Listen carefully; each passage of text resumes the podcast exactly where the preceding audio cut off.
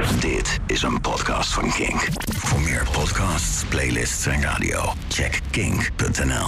Frank Stevens en Steven Gilbers.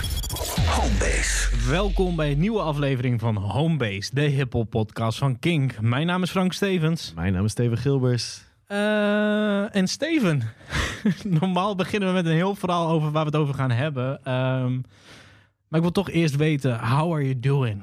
I'm doing really well. En waarom is dat? Nou, meerdere redenen. Mhm. Maar de meest prominente op dit moment in mijn hoofd is het feit dat wij eh, nu bezig zijn met de allereerste podcastaflevering die wij ooit in onze eigen nieuwe studi- studio in de Simplon In Groningen. opnemen. De plek waar het event Homebase is begonnen. En dus ook eigenlijk nou, Homebase niet helemaal ontstaan is. Maar daarover eh, eh, binnenkort meer in een speciale aflevering Ja. over hoe het event Homebase ontstaan is. Maar toch eigenlijk wel de Homebase van Homebase. De thuisbasis. De plek waar eh, alles samenkomt. Ehm, ja, we hebben een kantoor. We hebben een, we hebben een studio slash kantoor. Een, een, een set om het namelijk ook te filmen. Want Als je op YouTube kijkt, zie je al een deel van die set. Precies. De, de, de afgelopen tijd hebben we natuurlijk heel veel interviews in eh eh videoformat ook naar buiten gebracht. Ja. Maar voor de volledige afleveringen van de podcast moest je toch naar Spotify, Apple Music, of nee, eh, Spotify, de iTunes podcast app, et cetera gaan. Of naar kink.nl of de Kink app. Maar we zijn nu ook te vinden onder de naam Homebase op YouTube al sinds, sinds kort. Yes. En daar kan je dus ook gewoon complete afleveringen terugkijken. Ja, Vanuit deze plek. ja. Holy shit, dude. We, we hebben ons hier heel lang stil over gehouden. We hebben zelfs nog een andere ruimte in het pand gehad. Maar dat was net niet voldoende voor ons om mee te doen wat we wouden Even eigenlijk. net het geluid en de, de, we konden net geen mooie set bouwen zoals we wilden. Nou, maar voor de oplettende luisteraar die al een tijdje luistert. ehm, toen wij vorig jaar augustus, geloof ik, hebben wij een Ja. bonus episode opgenomen in de zomerstop. voor de start van seizoen 1 van Homebase, voordat we van Kink Homebase naar de naam Homebase gingen. Ja. En die hebben we bij jou balkon opgenomen. Ja, En daar hebben we gewoon spontaan een uur lang lopen lullen. En toen zei ik van, en er komt nog meer aan. En ik, mag ik het vertellen? Steven zei, doe nog maar niet. ja hou het even. En dat was dit. We hebben dus eigenlijk een paar maanden doorgebracht in een andere ruimte. Waar we dus dit allemaal niet konden doen. En we hebben nu sinds, eh, eh, nou wat zal het zijn? Twee weken, denk ik ongeveer. Ja, hebben we twee. deze ruimte. We zijn flink aan het bestellen geslagen. We hebben alles helemaal mooi ingericht met de hulp van mijn vader onder andere en mijn Ja. broertje. Ehm God damn, ik ben hier niet meer weg te slaan, man. Nee, ik ook niet. Het Nee. is een eh, geweldig gevoel om hier zo te kunnen zitten. En op deze manier op nog meer platformen eh, beschikbaar te zijn vanuit eh, de Homebase podcast. Ja, ja, en het is ook wel chill dat ik niet elke keer mijn woonkamer moet ombouwen tot studio. Elke één, twee keer per week. dat is ook wel lekker. Daar heb je een punt, daar heb je een punt. Hey, eh, Steven, waar gaan we deze aflevering over hebben? Nou, dit is, eh, zoals wij dat noemen, een sample special. Hmm. Dus wij gaan eh geeken over samples. En wat voor samples? Of gaan we dat nog niet weggeven? Nee, dat gaan we niet spoilen. Nou, misschien eentje. Welke? Eh, een Michael Jackson sample komt erin naar voren. Laten we dat in ieder geval Oké, zeggen. oké, interessant. Dat, houdt de luisteraar even Ja, eh, eh, niet, on the edge of their seat. Come on. Ehm, maar ook is afgelopen week eh, eh, de documentaire verschenen op Netflix genaamd Biggie, I Got a Story to Tell. Een documentaire over naar de Notorious Deze. B.I.G. Ehm, en ja, de vorige aflevering waren we natuurlijk in gesprek met eh, Wax Collector. Die ons liet weten dat Ready to Die een van zijn favoriete platen aller tijden is. En hij was ook al gewoon helemaal klaar om die documentaire te gaan kijken. Dus het kon niet anders. We moesten eerst eventjes met Wax bellen om het eventjes over deze documentaire te hebben. Die man is gewoon friend of the pod binnen twee weken. Zo kan het lopen. dus eh, we gaan eerst eventjes met Wax lullen over de documentaire Biggie, I Got a Story to Tell, die nu te vinden is op Netflix. Ja, we zeiden het al in de intro. Hij is weer terug. Vorige week hadden we een hele special met hem opgenomen. Maar afgelopen week verscheen de Notorious B.I.G. documentaire I Got a Story to Tell. En daarom moesten wij dus even weer een telefoontje plegen. We zitten hier met Wax. Hoe is het? Hey mannen, goedemiddag. Hey. Goedemiddag. Goedemiddag. Ehm, Zijn we weer. hoe lang heeft het geduurd voordat je de documentaire hebt opgezet? Eh 2 maart. Dus eh, een dag na de uit. eh, ik moest me even voorbereiden. Oké. Ehm, Ik hetzelfde, volgens mij. ja, volgens Ja. mij heb ik hem inderdaad ook twee maanden direct in de ochtend gekeken, eventjes voor het werk aan. Eh, ik ben eigenlijk in eerste instantie wel eventjes benieuwd naar, naar, naar, naar je eerste indruk. Ik vond het een goede documentaire. Het was eh, wel een mooie tijdslijn ook, weet je wel. En Mhm. eh, eh, ook echt over zijn leven en over de buurt. En wat ik vooral wel grappig vond, was eh, dat er veel van de jongens aan het woord waren die met hem waren opgegroeid. Zeg maar. Ja, ja, Ja. klopt. Meer dat inderdaad dan dat je Puff Daddy hoorde. Het waren Ja. vooral de mensen met wie hij was opgegroeid inderdaad. Eh, En zijn moeder, hè? Zijn moeder vooral. Vond Ja. ook wel leuk. Ja, Valletta. En zijn oma. Zijn oma uit Jamaica volgens mij. hè? Ja, die gewoon 95 is geloof ik, of niet? Ja. Echt, Mhm. Wauw. Ja. Hey, wat vond je van de. Van, kijk, we hebben hier natuurlijk eigenlijk zo lang op gewacht. Er zijn in al die tijd wat documentaires verschenen, gewoon op DVD. Maar vooral heel veel Tupac en, en Biggie documentaires. Nooit echt een specifieke documentaire die zich op Biggie eh, richt. Nee. Wat vond je van de tijdlijn? Zijn er dingen waarvan je achteraf denkt: ik zou nog graag een vervolg willen hebben. om juist te zien wat hierna nog allemaal is gebeurd? Of vond je dit ook wat meer een. eh, zoals wij het eigenlijk zagen, een celebration of his life? Ja, dat vooral. Ik denk niet dat er nog een vervolg op hoeft te komen wat mij betreft. Nee. Nee, hè? Het duurde lang genoeg. Eh, ik, had wel iets, ik had wel liever iets meer beelden gezien van de dag dat hij zeg maar, vanuit Cali terugkwam in Brooklyn. En dat ze echt die Mhm. radio aanzette. Die shot miste ik eigenlijk een beetje. Jij ziet hem heel even in het begin, geloof ik. Ja. ja. Maar dat blijft zo'n mooie shot, weet je. Dat die mensen helemaal, helemaal losgaan eh, daar. Klopt. Hey, jij bent een groot Biggie-fan. Zijn er dingen eh, die je hier weer in hebt gezien die je nog niet wist?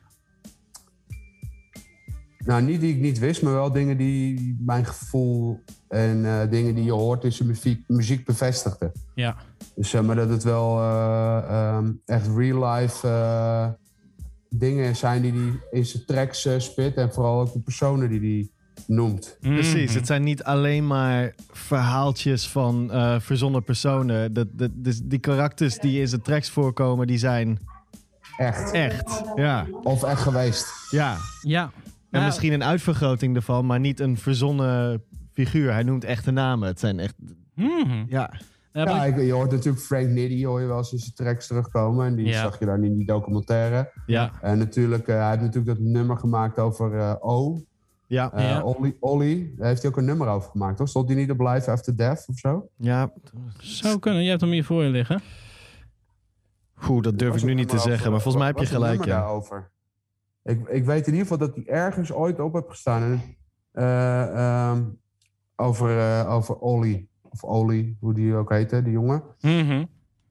Dat hij daar een soort van tribute aan heeft gedaan dat hij was overleden, zeg maar. Ja. ja.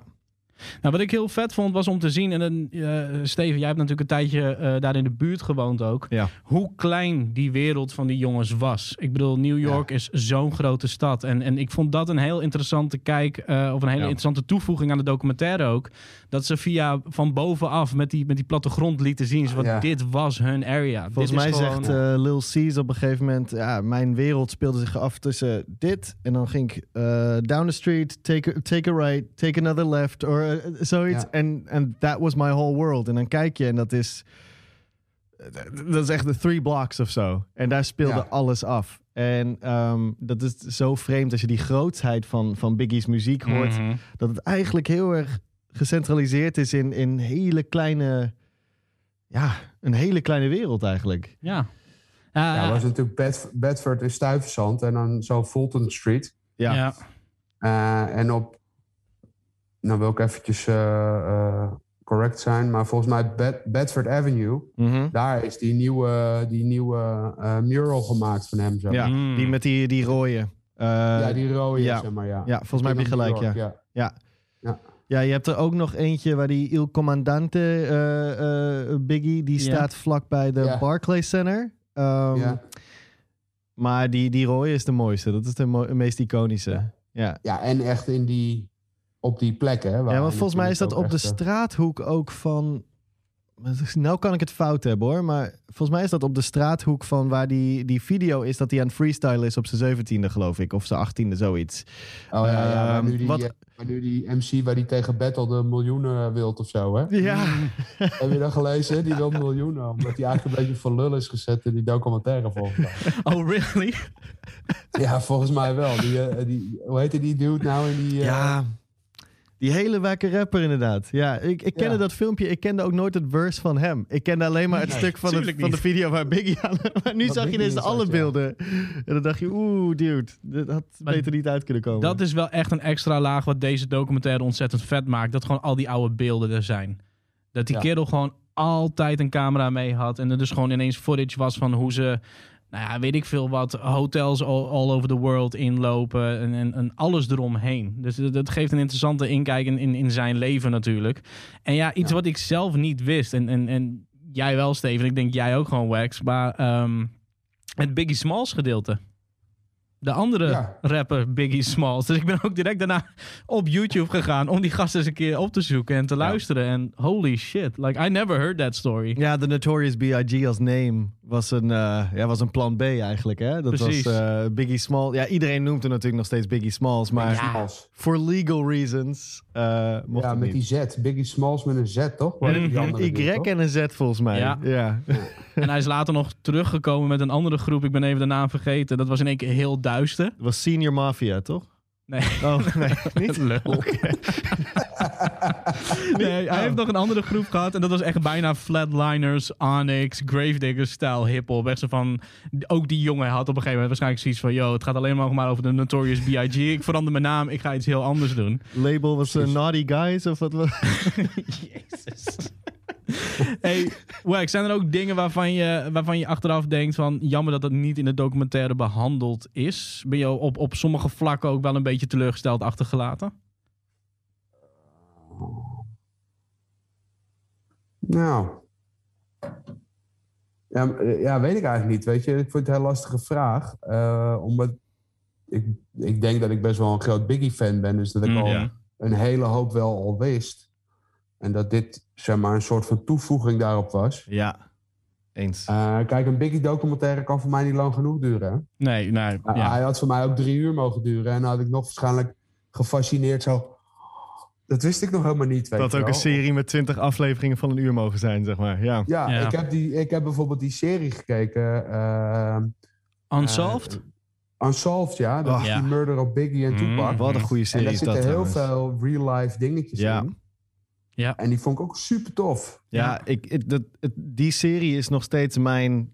Voor mij echt de pinnacle van het Biggie Tupac verhaal. Omdat Ja. alle details kloppen. Echt tot op de, de dag. Het, eh, bij Tupac op een gegeven moment dat ze zo'n eh, super soaker fight hadden. Denk je, wat is Mhm. dit? Dat is gewoon... even vast, jongens. Oh, oké. Eh, bij ons eh, komt het nog goed door. Ja, eh, daar ben door. ik weer. Ja, ben ik weer. Yes, top. Ja, oké. Ja, Eh, maar die details in die, in die Unsolved-serie, alles klopt daar. Ja. Ehm, dat is wat het voor mij als hip-hop nerd gewoon heel. En, en Biggie en Tupac nerd heel tof maakte. Maar het is natuurlijk weer een focus op de homicide story. Ik bedoel, in dit geval Mm. letterlijk. Het gaat letterlijk over het onderzoek naar die moord. Ja, Ehm, precies. ik had persoonlijk bij I Got a Story to Tell. En ik ben ook wel benieuwd wat Frank daarvan vindt. Ik had een beetje een dubbel gevoel. Want ik had aan de ene kant, eh, wat jij ook zegt, Wax. ehm, ik, we weten al veel van het Biggie-verhaal. En ineens krijg je daar allemaal personal stories. Je krijgt die mensen uit de track, zie je in beeld. Je ziet waar het zich afspeelde. Zijn Ja. roots in Jamaica. Allemaal extra info. En, ehm, en je, daar word je gewoon heel blij van als fan. Want je ziet allemaal dingen die je nooit hebt gezien. Beelden. Zeker. Maar toen ging ik Zijn nadenken oma van... bijvoorbeeld, dat hij nog leeft, hè? Ja. Nooit- nog nooit iets van gehoord zelf. Eh, en zijn oom, geloof ik, Uncle Ja, Dave, was het ja Dave? zo'n oom Ja. die inderdaad ook al bezig Ja. die was. een beetje aan het toasten was in Mhm. Jamaica, zeg maar. Ehm, dat je denkt, oh, oké, daar komt het dus vandaan. Die, die shit met die bebop, Buurman. die, die bebop ritmes, dat ze dat als je dat vertraagt, dat, dat je ineens daar de accenten van de snare, dat je dat terug hoort in zijn flow. Ik dacht, wow, Mhm. shit, zo heb ik nog nooit iemand Ja. over Biggie horen die- praten. En die jazz musician, dat hij gewoon eigenlijk eerst bezig was met jazz. Of wat Ja. het? Ja. Die, Ja. Die, die wat oudere man. En die echt wel ook een beetje aan het einde zegt van ja... Ik, had- ik had hem gewoon uit die shit moeten houden, weet je wel. Ik Ja. had gewoon meer voor hem moeten doen of zo, zei hij op een gegeven moment. Ja, Ja. die voelt zich misschien wel hadden we hem nog schuldig. bij dat- ons gehad, zoiets. Ja, ja. Ja, die voelde zich een beetje schuldig of zo. Zo kwam het Mhm. over op me. Ja, maar dat zijn wel weer die interessante interviews. Waarom ik, ik, ik hou van documentaires. Ik ben ook een type die eh, eh, films op Blu-ray koopt. Want er staan er vaak nog meer extra's bij. Dus ik hou van documentaires, making-ofs en dat soort dingen. Ik ben het wel met jou eens dat voor mij had het ook echt zeker langer mogen duren. En ik, ik was net zo hooked geweest en ik had het net zo graag gekeken. Alleen ik denk het punt waar jij naartoe wou steken. Ja, nou- er zat een soort... Wat, wat ik lastig vind eraan is dat het ehm, heel gedetailleerd is. En dat is super vet, maar ook heel eenzijdig. En ik vind het soms jammer. En ik zie dat heel vaak bij het verhaal van Biggie en Tupac. Ehm, en op de een of andere manier bij hun allebei. Alsof dat verhaal niet interessant genoeg is. Dat ze maar één aspect heel erg willen belichten of zo. Zo van...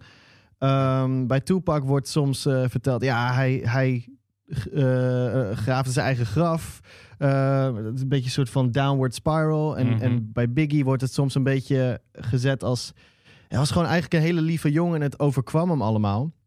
En ik vind het bijna ehm, oneerlijk tegenover eh, Biggie en in dit geval... dat het zo'n eenzijdig verhaal is. Dat er niet wordt verteld dat hij in de gevangenis zat. Dat er niet wordt verteld over dat eh, een Funk Flex incident toen de Dog Pound en, eh, en met Snoop Dogg een video aan het schieten was in Brooklyn. Ehm, het, het doet hem bijna, het zet hem bijna een soort van als een lievertje neer. En ze doen wel dingen, ze vertellen wel over die crack en dergelijke in het Mhm. huis van zijn moeder. Maar ik mis soort van the full picture. En ik denk dat dat komt omdat je gewoon Diddy en Valletta Wallace als executive producers hebt, die natuurlijk they've got a story to tell. Ehm, Ja, wat ik graag Ja. zou willen zien bijna is deze documentaire.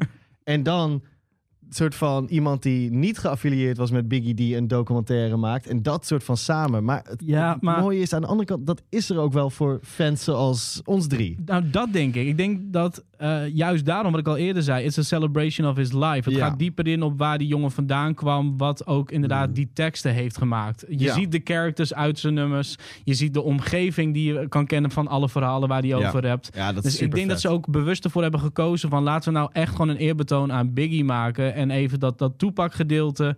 Als Tupac werd genoemd, ging het meer over hun vriendschap en was het, nou, ik denk in totaal 10 minuten van die hele documentaire waarin Tupac wordt genoemd, nog niet eens. En dat Ja. vond ik ook wel en dat weer vind ik, ook, vind ik ook wel verfrissend hoor. Alleen, Ja. ik vind het bijna ehm, dat je hem geen eer aan doet als je niet zijn verhaal eerlijk vertelt. Want zijn verhaal, Biggie's verhaal, is zo'n inspirerend verhaal. Ook vanwege de negatieve kanten. Ook vanwege het feit dat hij misstappen heeft begaan en daaruit is ge- ge- Mhm. gestapt. Dat hij zich daaruit heeft gewerkt. Alsnog ja, is dat natuurlijk heel tragisch afgelopen. Maar ik, ik, Ja. ik mis dat. Maar toch tegelijkertijd, ja, ja. Hij Tegelijk- toch, voor- ik vind dat je gelijk hebt hoor, Steven. ja, Alleen ik zag wel, eh, je ziet wel natuurlijk dat hij een, een, een persoon is die heel veel foute dingen heeft gedaan. ja. Mhm. En uiteindelijk daar wel uit weet te komen. eh, en, en wat moois maakt van zijn leven. En Ja. wat moois doet voor anderen.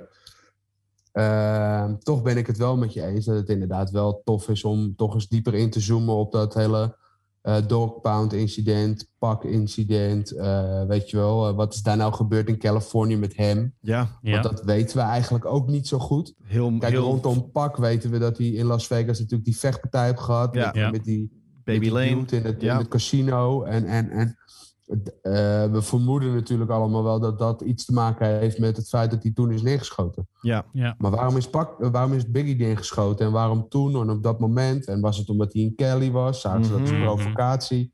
Dat weten we eigenlijk allemaal niet zo goed. nee, nee, klopt. Ik, eh, ik vroeg me wat af. Hè. Ehm, dit, dit gaat bijna als een reclame klinken. Maar gelukkig kunnen we in ieder geval alvast zeggen... I Got a Story to Tell staat op Netflix.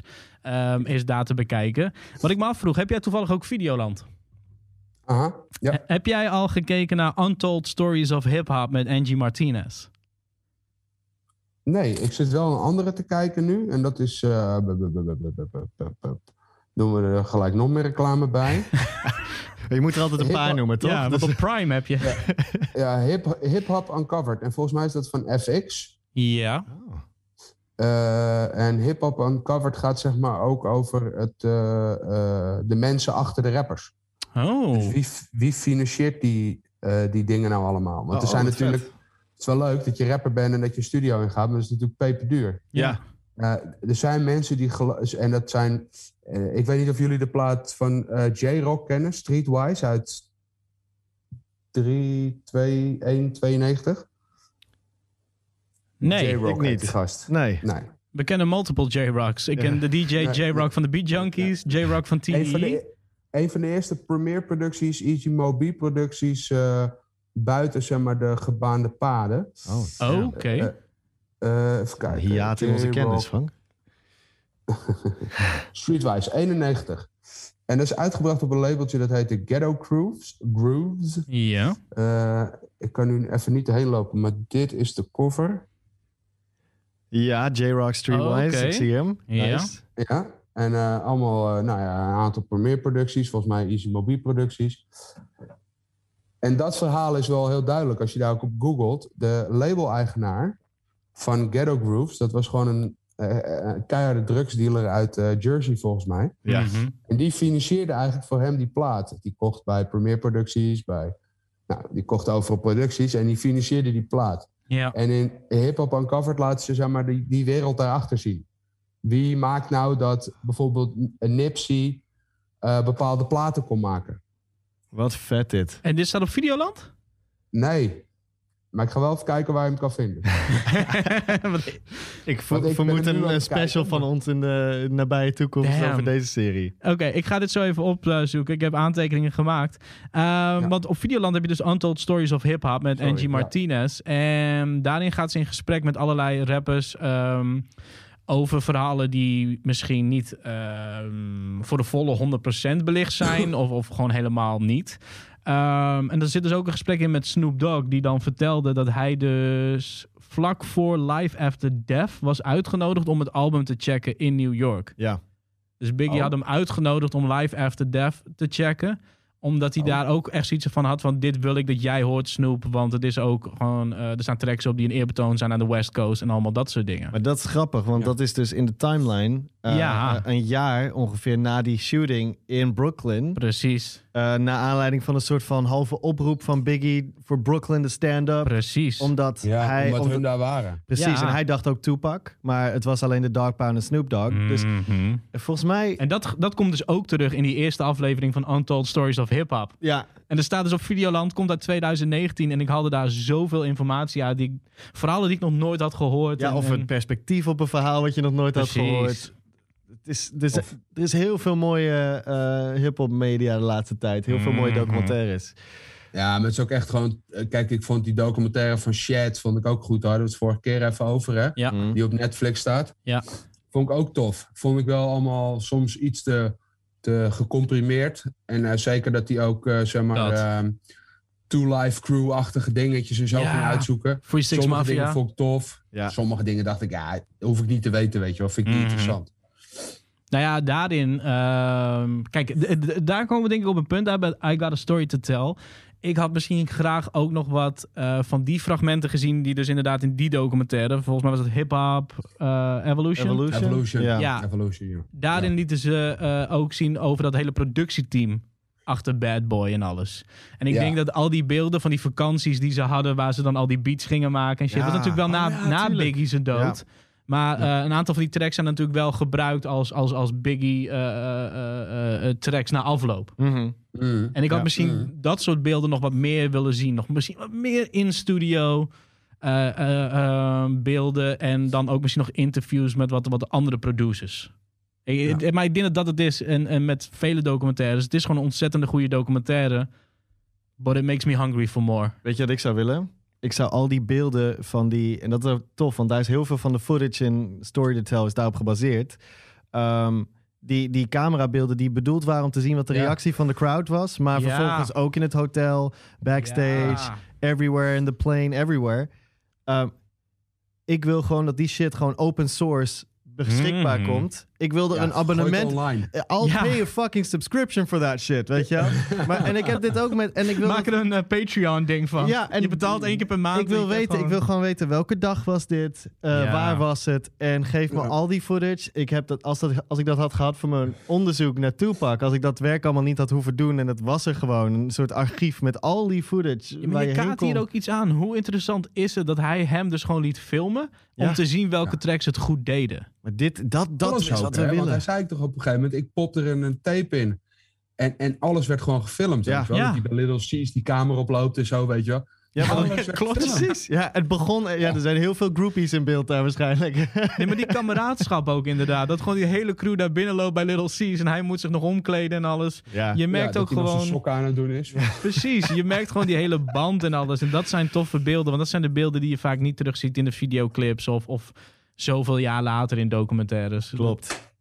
Ik moet dan Ja, ook daarom direct... ben ik ook altijd wel iets meer gefascineerd geweest door Biggie dan door Tupac. Hmm. Is- eh, le- Leg uit. Ja, dat, eh, eh, Biggie is toch altijd voor mij een beetje een, eh, een verborgen character geweest. Ja. of zo, weet je. Ja. Iets meer privé. En Tupac weet je natuurlijk alles van. Ja, Ja, Tupac is heel veel van beschikbaar nog. Heel veel. Eh, In de is- gevangenis geïnterviewd. eh. Ja. Weet je, alles is er van hem, weet ja. je wel. En het is nog Black best een Panther, Het is een eh, puzzel shit. om het samen te krijgen, but it's all there. Van Biggie was er bijna niks. Nu hebben we ineens al die beelden, dus dan... Daar hadden we het natuurlijk ook de vorige keer over toen Wax de gast was. Zo Ja. van, het is ook gewoon, het verhaal van Biggie eindigt eigenlijk, nou ja, voor mij altijd met één album, omdat ik Live After Death niet veel heb geluisterd. Maar Mhm. alles wat er is, dat, dat zijn gewoon die twee platen eigenlijk. En that's it. De Tupac, Ja, daar kon je nog de hele eh, eh, evolutie kon je van hem volgen. Als je Van bij het Digital begin- Underground tot Machiavelli Precies. en alle postume Ja. dingen natuurlijk. Biggie heeft ook wel Alles. postume platen, maar niet tien. Nee. Van- één. Eén, ja, precies. het? Uh, Born eh, Again. Born Bo- Again. Born Again, ja. ja, ja, Toch zou ik het verhaal achter die plaat ook wel eens willen weten. precies. Want hoe is Eminem daarop gekomen? Hoe is dat gegaan? Weet Ja. je wel? Want dat nummer dat klinkt zo alsof het bij elkaar hoort. Mhm. Ik ben heel benieuwd hoe dat is gegaan. Ja. Ja, Want dat was volgens mij nog in de tijd dat Eminem nog helemaal niet zo bekend was. Ja, Born Again is uit 2000, 2000 of zo? ik ga even eh, eh, eh, een 99. 99. Ja, dat is echt... Het, Ja. ja, Slim Shady was net uit dan. Wauw. Ja. Dus ik zit echt van, 99, hoe is ja. die track? Ja. Want als ik hem hoor rijmen, Eminem, d- dan doet het me echt een beetje aan zo'n Infinite-achtig Mhm.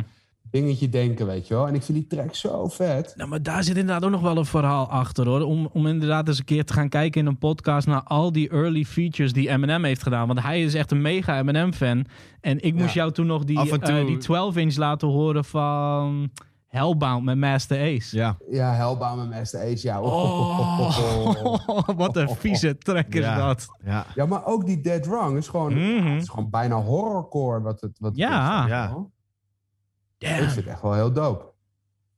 Dus ik ben nog zoveel benieuwd over, over Biggie en wat er allemaal nog is. En eh, ik vind het ook wel leuk, net zoals zijn moeder die zegt... ja, ik heb eigenlijk nooit naar zijn platen geluisterd. Mhm. Ik heb Vind ik echt bizar. Hij heeft één Ja, keer dus naar die plaat geluisterd. Eén keer. Eén keer. Voor de, voor de rest nooit.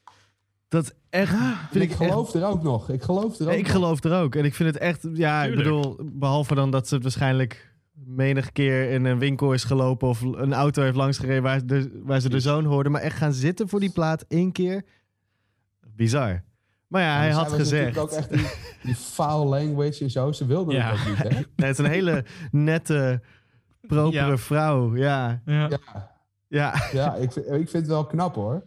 Eén keer. ja. Hoe, doe je dat? Hoe kun je Ready to je- Die horen en maar één keer luisteren? Ja, kom op zeg. Dan moet je wel echt per ongeluk onder een trein Death. gelopen zijn nadat je hem hoort. Ja. Ah, Live After Death kan ze dan wel meer geluisterd. Er stonden wat meer Ja, publiek acceptabele tracks op. Ja, maar dat vond ik ook mooi. Dat voor de clip van, was het Juicy? Dat zijn moeder Ja, had gezegd van... Ja, zo kan je, niet een, kan je niet een actrice inhuren, had ze gezegd. Hij zei, nee, Ja. ik wil jou hebben. Ik wil jou. Maar dat maakt meteen wel Biggie voor mij. Ja, hè. precies. ja, Het was gewoon allemaal echt. ja. Het is, het is niet... Tuurlijk had hij toen nog niet eh Benzes en eh, weet ik veel wat allemaal. Maar het was wel echt. Want het was wel gewoon echt zijn moeder in de clip. Mhm. En dat hadden Pak en Biggie wel gemeen. Pak was ook niet bang om, ze echt, om zijn moeder te laten zien. Zo Nee. weet je wel. Nee. Sowieso heel Ja. authentiek allebei. Ik denk dat dat Ja. eh, part of the appeal is dat we, wat is het, 25 jaar later ehm, nog steeds over deze jongens praten. Ehm, En er zoveel geld in, in zo'n documentaire gepompt wordt en het op Netflix eh, beschikbaar wordt. ja, en Nu waarschijnlijk... hoop ik alleen, nu hoop ik Big L documentaire. Een echt een goede Big Ja. L documentaire. Ja. Ja. Is er een big... Is er een... Nee. Volgens mij zijn er wel wat dingen te vinden, maar niet Maar echt niet echt een goede. Nee. nee. We hebben Nou, natuurlijk Big L was voor mij wel echt... eh, Kan je voor mij gewoon in dat rijtje zetten, hoor, van die, die twee. Ja. Ja, en ook te vroeg eh, eigenlijk. Mhm. Ja, Ja, daar- ik, ik wil nou niet, eh, eh, laten we maar zeggen, dan de volgende big noemen. Maar eh, eh, Steven, trek hem er even weg. Ik bedoel, ik wil ook nog steeds een goede documentaire van deze man. Ik bedoel, als we dan toch bezig zijn, Ja, aha. geef me ook gewoon een goede Big Pun documentaire. Vooral dat iedereen het verhaal kent van eh, eh, hoe belangrijk Fat Joe Big Pun vond. Dat hij zijn eigen carrière aan de kant heeft gezet. Maar dan ook weer de link Ja. van Fat Joe en Big L. Zo, wat, daar zit inderdaad... We kijken heel erg naar de personen en de documentaires daarover. Maar wat je net ook al aangaf met Eminem. Die lijntjes daartussen. Ja. Wat zit ja. daar allemaal? Hoe zijn die, al die mensen met elkaar in contact gekomen? En wat, wat had er nog meer kunnen zijn? Fat Joe natuurlijk met zijn DITC-periode, begin Mhm. jaren 90, was natuurlijk al veel langer bekend. Ja, En, en, en mensen begonnen hem pas te kennen op het moment dat Big Pun met de Terror Squad en juist. toen was het ineens, hey, Fat Joe. Maar toen dacht ik, ja, maar Fat Joe had in Ja. 92, 93 al een plaat op Relativity. Mhm. Eh, eh, weet je wel, eh, had al, al fucking veel dingen gedaan. Maar dat is ook wel weer mooi. Dat, dat hij dan gewoon echt de keuze maakt van... ik ga alles nu op Big Pun inzetten. En ik stap even... eh, ik doe een paar stapjes naar achteren. Ja, is wel, ja zeker, zeker. En eh, Ja. ja. En wat ik wel tof vond in die, in die Biggie documentaire trouwens, om hem even terug te pakken, was dat eh, het label waar Biggie zijn plaat uit zou brengen, Ja. Hè, onder toezicht oog van Puffy, ja. En dat Puffy ontslagen werd. Ja. Was dat Priority dat- of was het... Nee, waar zat hij ook alweer? Eh, ja, dat zou best wel of Loud of Priority of zo kunnen zijn geweest. Dat weet ik eigenlijk En, niet eens meer. en, dan, en dan dat Puffy inderdaad ontslagen wordt. Ja, dat is ook geen heil zien in die Biggie-plaat. En dat die, dan Bad Boy Records. en Dat, het gewoon, die hebben zich vergist, hè, die dudes. Ja, dat klinkt een beetje als de, die, die mensen die dan de Beatles niet wilden tekenen of zo. Weet je wel? Zo van, dat je denkt van... Oh, Ah, dat je dep- 30 jaar later er nog zweet, baan zweet van wakker wordt. Juist. Dat- Wat heb ik gedaan toen? Wat dacht ik? I love it when you call me... Nee, nee. hey jongens, eh, volgens mij kunnen we hier nog uren over doorpraten. Maar we, gaan, eh, eh, we zijn natuurlijk bezig met een, met een sample aflevering. En ik wil dus nog heel graag even met Wax praten over eh, een van zijn favoriete sample flips van de Notorious B.I.G. Maar voordat we dat doen, moeten we wel even gewoon nog echt even een shout-out geven. Hij is namelijk uit en hij was ook alweer uitverkocht. Het mooiste komt nu, Stix, Cubus op cassettebandje. Ja, ja. Hoe, hoe erg was het eh, deze keer? Ehm, wacht even hoor. Ik moet even wat, mag ik even snel wat pakken? Geen probleem. Tuurlijk. Ja? Oké, oké. Mijn buurvrouw die komt even Indisch eten brengen. Oh, god man. Ah, Ja, nee, sorry. Dat, hè? dat gaat voor. Vorige keer waren het platen. Nu Die dit. zijn er vandaag niet, want het is zondag. Hey, hoe erg was het deze keer? Ik bedoel, Stigmatic was al een, eh, een, een, een succes en heeft al je inboxen Hmm. over laten stromen. Hoe erg was het deze keer? Ik las 40 seconden. 40 seconden. Als ik, ja, weet je, het is natuurlijk altijd lastig, hè? Want ik moet, eh, ik, ik vraag het via DM'tjes om Mhm. mensen zich aan te melden. En dan eh, staan er in één keer 500 berichten. Ja. En, en dan ga ik terug, zeg maar. En dan uiteindelijk blijkt 40 seconden was hij gewoon weg. Ehm, Ongelooflijk. dus ja. Maar ook ja, niet ongelooflijk. Nee. van, Ja. Ja, ik zeg ook tegen Stix, al, al doen we de 250, dan gaan ze volgens mij nog. Ja. Maar het is juist wel leuk dat hij gewoon zo lekker exclusief is. En ze zijn Mhm. gewoon echt op, op, op, op, op. ja, Er is helemaal niks meer. En laat me goed zien in de camera. het vette vond ik... Ja, nee, ik doe nu even niet in de kamer. Ik doe nu even juist in het licht. Het vette Ah. vond ik dat juist door al die foto's die op Instagram voorbij zien komen... Toen ik hem gisteren in mijn handen kreeg, dacht ik... Oh, het is gewoon een solid groen. Maar als je hem bij het licht houdt, dan is hij ook nog een beetje dat... Ja, Ja, dat, dat, dat, dat, dat fluoriserende wat erin Ah, zit. ja. En dat gaat weer zo goed samen met de artwork... waar al die verschillende groene tonen in zitten. Ja, sowieso de vormgeving. Ik, ik, ik ga hier zo hard op, dat, dat weet je. Gewoon Maar die, balken Jason, met kleuren. Jason, eh, Jason Smith, die heeft die artwork eh, natuurlijk eh, gedaan. Ja, En toen gingen we op zoek naar een tape. En eh, ja, uiteindelijk eh, zijn uh, Stix en ik dan op deze kleur gekomen. ja, Past er ook gewoon het beste bij, weet je wel. echt wel. Nee, maar shout-out naar eh, Jason. Ja, En shout-out naar Stix. Want, eh, eh, en ik vermoed ook dat eh Cupie wel wat eh, in de melk te brokkelen heeft gehad. met Die Mhm. hoes. Maar dat hebben ze wel dope bedacht hoor. Er zit hier Ja. nog een easter egg bij, zoals bij de Stigmatic tape. Dat we erachter Nee. kwamen dat het... eh, nee, we, we hebben niet, dit keer hebben we hem niet gemist. Oké, Nee. Gelukkig. gelukkig. En anders, en anders wil ik graag dat die regisseur daar voor mij links in het beeld... Ja, dat die nog eventjes, die jongen die net naar de kapper is geweest met die baard... ja. dat die eventjes gaat eh, speuren. Maar ik denk niet dat je het gaat ontdekken. Hey, ehm Frank the Detective. Goddamn. Eh, we zeiden het al, we doen een sample aflevering. Het kan niet dan. En het grappige is, ehm, even voor de luisteraar, kijker. ehm, vlak na ons interview, volgens mij eigenlijk de dag daarna, stuurde jij mij een berichtje. Herken je deze? Ja. Het eerste wat ik zei was: So you wanna be hardcore. dus toen we jou vroegen, we doen een sample episode, maar we willen het ook nog even over Biggie hebben. Ehm, wat is jouw favoriete flip? Eigenlijk wist ik het al, maar eh, leg uit. Stiekem weet je het al, hè? Stiekem Ja. weet je het al. Nou, kijk, een van mijn favoriete tracks is Warning. Maar heel, Mm. heel vlak daarna komt Machine Gun Funk. Hmm. Ja, En als je dat beginnetje hoort... dit, dit, dit, dit, dit, dit, dit, laten we hem even aanzetten.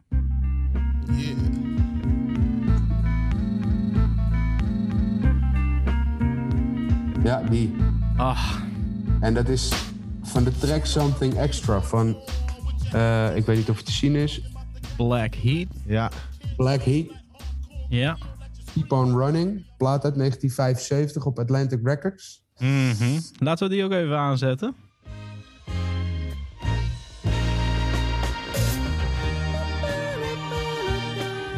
En dan moet je het introotje eventjes doorgaan. Ja.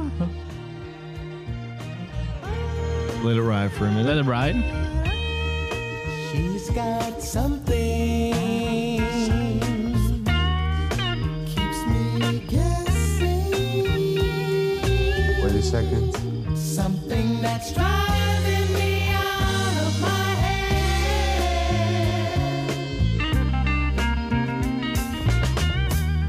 Daar is hij. Oh, kippenvel weer. Prachtig. Prachtig. Gewoon... Maar ook, ook gewoon... Het is echte break. Ja, Het is een echte break. Het is Ja. het is zo kort. En dit bewijst ook maar weer waarom we ook deze episodes doen en waarom ik van samplen hou. Het is inderdaad zo'n kort fragment. Drie seconden, wat zal het zijn? En daar ontstaat gewoon zo'n banger is uit. het nog minder, joh. Maar volgens mij heeft, eh, is het Dilla geweest of zo. Die heeft het ook wel eens uitgelegd met die NPC. Dan kon je ook maar hele korte Mhm. fragmentjes eh, Ja. pakken. Ja. Ja. En, maar jongens, even deze plaat. Sowieso de moeite om in je collectie te zetten. Want hij is gewoon echt fucking dope. hij is zo goed. gewoon die hele plaat, hè? Ja, ja alleen Dus al voor de sample, maar de rest van de plaat is gewoon ook amazing. Dus ja, Ja, ja, ja. Want je hebt natuurlijk ook bijvoorbeeld die Isley Brothers. Hè? Die hebben... Mhm. ehm, even kijken, welke track was, stond, was dat een... Ja, volgens mij Friend of Mine of zo. Ik weet, ik weet niet zeker, maar eh, die hadden, eh, die hadden op een plaat uit 1983. Mhm. eh, daar staat zeg maar een sample op. hele bekende sample ook. Ja. Kom wel even, ik, ik check hem even snel hoor. Check hem even snel. Want dan weten we het meteen.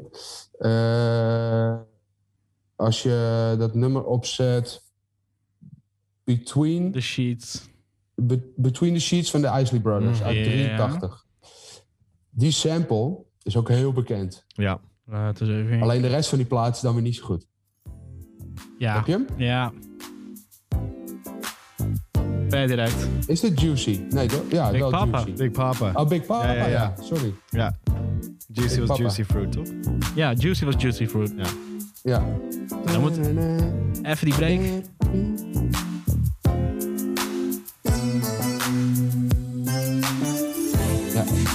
Big Papa.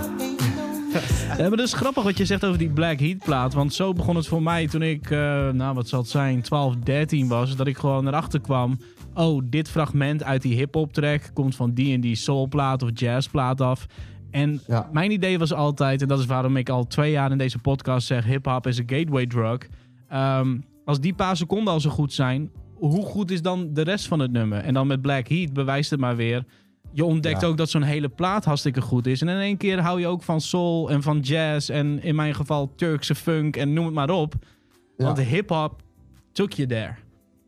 Nou, ik, ik snap ook niet zo goed dat die young boys vaak eh, kijk, heel veel jonge producers pakken nog steeds gewoon samples, hè. Mhm. Ehm, als je kijkt bijvoorbeeld, eh, die, eh, en ook oude producers natuurlijk, The Alchemist bijvoorbeeld met Freddie Ja. Gibbs, eh, die laatste plaat.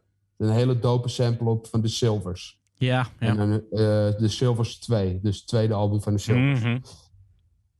Maar die youngboys die luisteren wel naar die beats, maar die appreciëren dan niet wat daar Achter wie de, zeg maar, de founders van Mhm. hip-hop zijn eigenlijk, weet je wel. Want hip-hop is niet ontstaan uit zelf beatjes maken. Nee, dat is ontstaan uit samples. Ja. Ah, jij noemt ook wel weer eentje hoor. Verdomme Wax. Ik, ik zou je bijna alweer gewoon zeggen: je blijft gewoon nog anderhalf uur zitten en je gaat met ons meepraten, verdomme. Jij komt binnenkort echt maar gewoon eens een keer deze kant op. Trekken we een biertje Ja, bij open cool. en dan gaan we hier doorheen. Ja, Want jij noemt de helemaal Silvers los. 2. En daar staat natuurlijk ook een van mijn favorieten op. Van een paar jaar geleden, toen sprak ik aan nog, Sampa the Great. Ja. Ja, Stay Away From Me, die sample van de Silvers 2. Like, goddamn, dat album zit vol met samples. sample gold. Maar het is gewoon, sorry, dit, is gewoon een van de betere soulplaten alle tijden. Dat album is zo goed geproduceerd, zit zo verdomd goed in elkaar. Ja, ja maar als je, als je ook bijvoorbeeld... Want je hebt, je hebt er nog wel een paar hoor, waar echt wel hele toffe breaks ook op staan. Mhm. Eh, wat dacht je van deze? BT Express. Oh ja, ja. Helemaal vol met, met dikke samples en breaks. En, en ja, om maar niet te praten over James Brown platen en zo. Mhm. Ja, jezus. Nou ja, we hebben hier ook een paar staan en daar gaan we het zo nog over hebben. Dus eh, eh, ik zou zeggen tegen de luisteraar, blijf luisteren. En tegen de kijker, blijf kijken. Ehm, voor nu, hartstikke bedankt, Wax. En eh, we moeten binnenkort maar gewoon eens even een afspraak in gaan plannen. Ja, gaan we echt doen. Tof. Nice. Tot de Goed jullie weer volgende. gezien te hebben, jongens. Yes, Fijne zondag, hè. Yo. Yo. Mazzel. Homebase. En tot zover ons gesprek met Wax, oftewel Wax Collector op Instagram, at Wax Collector. Ben je onder de indruk van zijn collectie, ga eventjes naar die Instagram pagina. En dan zul je dat waarschijnlijk nog meer hebben dan je nu al hebt. Ik Ehm, kan me niet voorstellen van niet. eh. Nee, come on dude. Like, hij trekt gewoon platen uit de kast waarvan ik zelfs nog denk... Oh, fuck, die moet ik ook nog hebben. Mijn wij, Discogs eh, wantlist wordt getriggerd door zijn Instagram pagina en onze gesprekken met hem. Ja, hoor je dat, Wax? Dankzij jou is hij broke. Right. hey, eh, ondertussen op de achtergrond hoor je eh, eh, de zwoele sounds van eh, Michael Jackson's Human Nature. En dit Oh. nummer is natuurlijk aan zich al gewoon een klassieker. Alleen wij hebben best wel een mooi verhaal rondom dit nummer. Ja. Ehm, laten we even een stukje luisteren en dan zijn we zo terug. If they say why, why,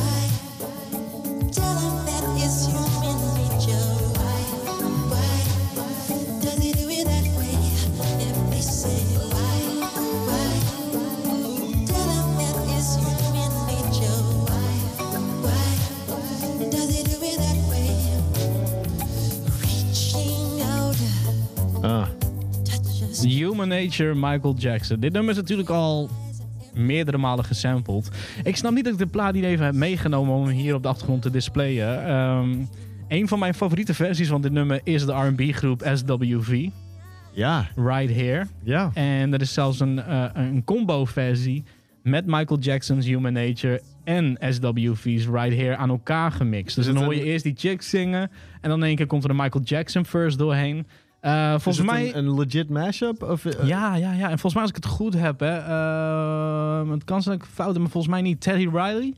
ja. Blackstreet, volgens mij heeft hij het geproduceerd. Maar, even een side note, als je dus de SWV-versie checkt, dan hoor je de SSWWU, de VV, dat is Pharrell Williams. Fuck, ja, dat heb je me verteld een keer. Die in de studio Oh. zat, die volgens mij een soort van opgeleid is door Teddy Riley. En hij heeft dus die intro gedaan. En dat zag ik pas toen de, eh, de Roots een live versie deed van Right Here met SWV een paar jaar geleden. En één keer kwam Pharrell het podium oprennen. De SSWWU, de VV. En ik zo, no fucking way. Like, Maar hij was, gewoon hij was de- gewoon de stagiair. Ja, ik denk het. Ik denk dat dat het verhaal is. Maar goed, daar gaan we het nu niet over hebben, want er is één track. Kijk, Human Nature is een classic. Michael Jackson, eh, eh, je kan van hem vinden wat je wil, maar deze man heeft zoveel classic platen afgeleverd. En als je mij vraagt, wat is je favoriete Michael Jackson track? Eh, jou trouwens ook. Human Nature per direct. ja, no question. Maar ook in het algemeen. Favoriete nummers alle tijden. Human Nature heeft iets. Up is, there. oh my god, it's so fucking good. En nou ja, de, de act waar we het nu over gaan hebben... heeft gebruik gemaakt van deze sample. Maar er zit wel een verhaal achter. Ik denk dat het in 2019 was. 18. 2018. Ja. Toen eh, eh, hadden we hier in Simplon eh, ehm, Main Source op het podium staan tijdens een, een editie van Homebase. Ik had op dat moment nog geen podcast, maar Steven wel, samen met een kameraad van hem, Zack. Uit, Zack Diaz. Ja. Texas, als ik het goed heb. Ja, wij hadden in die tijd een show die heette Kick Knowledge. En Mhm. hij deed onderzoek naar hip-hop, ik ook. Dus wij Ja. bespraken hip-hop een beetje vanuit dat perspectief. Een beetje een. Academisch, analytisch perspectief. En gewoon een beetje geek over hip-hop. Mhm. Ehm, elementen daarvan zitten natuurlijk ook in hoe wij de show nu doen. Ja. Ehm, maar toch een andere flavor. Iets meer. Alleen ik kon jullie toen iets heel interessants aanbieden. Ah. Want ik had namelijk geregeld dat jullie de, de man himself, de large professor, mochten interviewen. Yeah, En not just any professor. The large, de large professor. professor. Voor mij was het natuurlijk al een hele vreemde dag. Maar hier gaan we het binnenkort over hebben in een eh, special die helemaal over het event Homebase gaat. Maar ik Ja. kan wel een tipje van de sluier oplichten. Eh, ik moest ze natuurlijk ophalen. eh, dus eh, ik heb met ze in de trein gezeten. Best wel veel met Large Pro ook gesproken. En ik wist dus dat dat interview kwam. Dus ik heb ook bepaalde vragen niet gesteld. Maar jullie hebben echt het interview gedaan. Hier een paar deuren verderop van de plek wat nu ons kantoor Ja, is. hier in Simplon. Inderdaad. In de backstage ruimte. Ehm, jullie zaten in de backstage ruimte met Large Professor te praten. En ik zat daar op de grond eh, eh, in een hoekje met een big smile te kijken en, en te Hij luisteren. was zijn avondeten nog aan het eh, eten. Mhm. Pasta of zo? Iets met rijst, geloof ik. Indian food, denk ik. Dat is Denk toch wel een beetje ja, een, een, Indian, een, een, een Ja. thema hier binnen Simplon. Ja. Ehm, en jij noemde hem een... hoe noemde jij Large Professor? Ik weet... Oeh, ik moet even Een terugluisteren hoe ik hem noemde. Ik ik noemde wat hij had gedaan so stupid. ja, nou, leg uit. Want eh, maar eh, we, gaan wel hebben, context. we gaan het hebben over eh, eh, de, de single die achter jou staat. Pakken we maar eventjes bij. It Ain't Hard to Tell van Nas. Ehm, wat mij betreft een van Nas' betere tracks. En Die natuurlijk flauw om te zeggen. eh, hier- hierop staat. afkomstig is van het album Illmatic. Kijk, dit is bewijs dat we hem echt hebben gezien. Eh, dit was Naas. Eh, heeft 2016, denk ik. 14, denk ik. 14 Volgens mij toen 20 Wow. jaar Illmatic Ja. bestond, hebben we allebei onze kopieën laten signen. En Large Pro, dat was in Toen Groningen. hij hier was. Die stond. eh, even genoeg geflext. Jij noemde hem een, een, een, een, je noemde hem stupid for what, what he did. Ja, ik zal, het even, uit. ik zal het even het verhaal introduceren. Wat er dus gebeurt. Ehm, wat je zei, Michael Jackson is wel eens gesampled, maar Michael Jackson... Good luck. Michael Jackson clearen, een sample van Michael Jackson clearen is een soort van holy grail. Ja. Dat, dat is niet voor iedereen weggelegd. Nee. Dat is eh, net als dat je de Beatles niet gecleared krijgt. Weet je, er zijn wel tracks van eh Talib Kweli dat hij de Beatles sample, Mhm. maar dat is dan op een mixtape uitgebracht, want dat krijg je Mhm. nooit op een echt album. Nope. Michael Jackson zit daar, zit daar ook bij. Maar ehm, wat gebeurt er nou? Large Professor maakt een demo eh, beat al een paar jaar voordat Illmatic uitkwam voor, Mhm. voor Nas. ehm, waar ook ja, de, de voorloper van Ain't Hard to Tell. En, en ze besluiten om daar ehm, Human Nature in te samplen. Ja. En wat gebeurt er? Michael Jackson is down met Nas en hij cleart hem. Waarom? Omdat Nas lyrics heeft geschreven voor volgens mij een rapgroep Ja. die Michael Jackson produceerde. Ja, ik ben nou even de naam kwijt van die groep, maar Mhm. dat is het verhaal. Eh, inderdaad, Michael Jackson had een eigen rapgroep. Had Nas als soort ghostwriter gevraagd. Ja. Eh, en Nas zou dat doen. En hij was cool met Nas. Dus kreeg hij toestemming om Human Nature te samplen. Eh, niet Black or White of zo. Niet een, een mid-tier. nee, echt top-tier Michael Jackson track, right? En de, de biggest one naast waarschijnlijk Bad en, en Thriller en Precies. shit. En we hebben, we hebben het net over Biggie gehad. Kijk, als het niet naar Nas was gegaan, maar naar Biggie, die sample, en Puff Daddy had erachter gezeten, dan had het een beetje ehm, I'm Coming Out-achtig geweest. Die, die, I'm die- Coming Out, Diana Ross, het album Diana. Precies, More Money, More Problems. Ja. Dat is nou niet per se een hele moeilijke sample om te herkennen in de track. Is front Nee. and center. Juicy Fruit, niet heel tricky om te, om te vinden, weet je wel? op, wat we net nog met Wax draaiden. De Isley Brothers, Between the Sheets. Per Precies. direct. Dat is soort van die Puff Daddy-style. Maar Ja. Large Professor, Is een eh, classy motherfucker. ja, die kwam Jij uit noemde hem stupid, ik noem hem nu een motherfucker. Ja. Sorry. Large. Oké. Wat hij doet in die productie is zo'n holy grail van een sample zachtjes op de achtergrond mixen voor een maat of acht. Terwijl je de rechten hebt. Terwijl je toestemming hebt gekregen. Dit is van je- Michael Jackson om een nummer te gebruiken. En jij legt het zacht op de achtergrond. Dit, dit is wat je doet als je stiekem probeert. Weet je, als je stiekem denk je. Nou, als ik hem Kijk, als wij. Dat was het toen nog niet, maar als wij tegenwoordig samplen, we denken. Oeh, dit is wel een beetje een tricky sample. Even shazammen. Even Shazammen of Shazam hem herkent, weet je wel. Want, want anders wordt hij eraf geflikkerd. Ja. En- nee hoor. Large Pro had toestemming. Naast had toestemming. En hij mixte hem zo zacht op de achtergrond. En dat is waarom je zei, it's kind of stupid what It's you so did. stupid what you did. Want je had er zo'n, je had zo'n track als mom. But it's actually brilliant. Ja. Want in plaats van dat je loopt te, te, te, op te scheppen van... ik heb een Michael Jackson sample... gebruik je het gewoon als een laagje En het kwam beat. ook nog weg vanuit natuurlijk de oude blend tapes. En dat is wat hij toen zei. Er was een, een lange traditie van de blend tape tradition... waarin Mhm. R&B records eh, eigenlijk... een soort hip-hop update kregen. ja, en, en dat is wat hij wilde. Naast ze wilden die feel... Mhm. on Illmatic Mhm. krijgen. En dus ze deden met een Michael Jackson sample een blend tape feel. En dat werd It Ain't Hard To Tell. Laat even luisteren.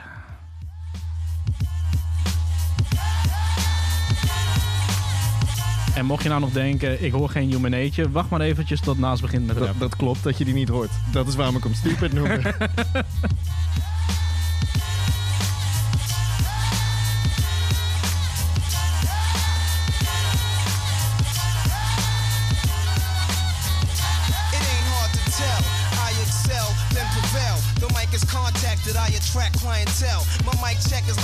Daar zit hij, hè? ja, daar zit hij.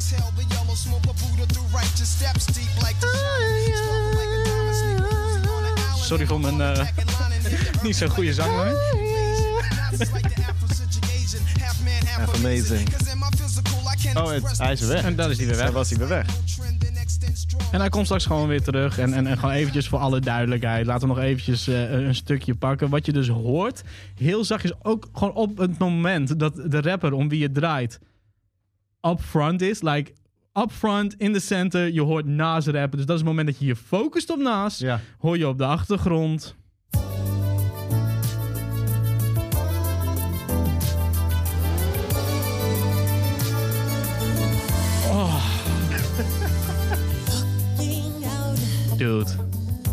Dit is toch gewoon magic?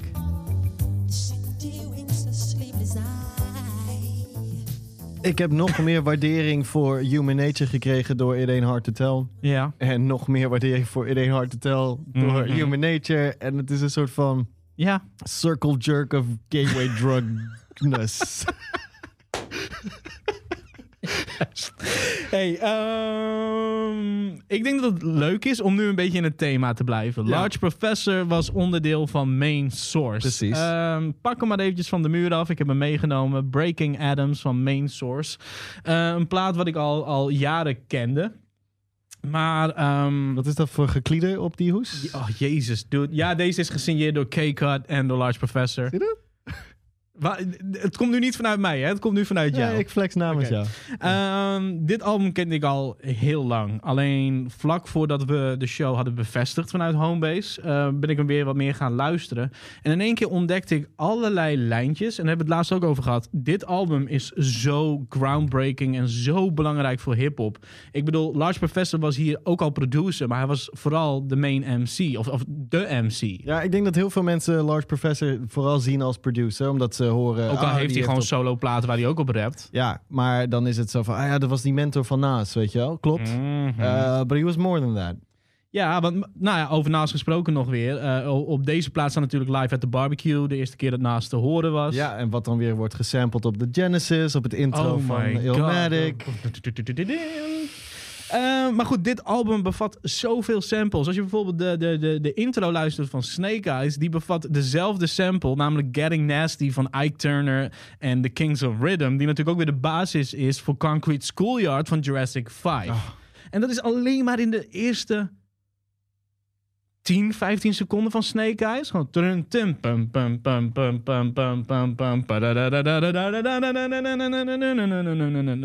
dan veet hij uit. Snake Eyes, Snake Eyes, Snake Eyes.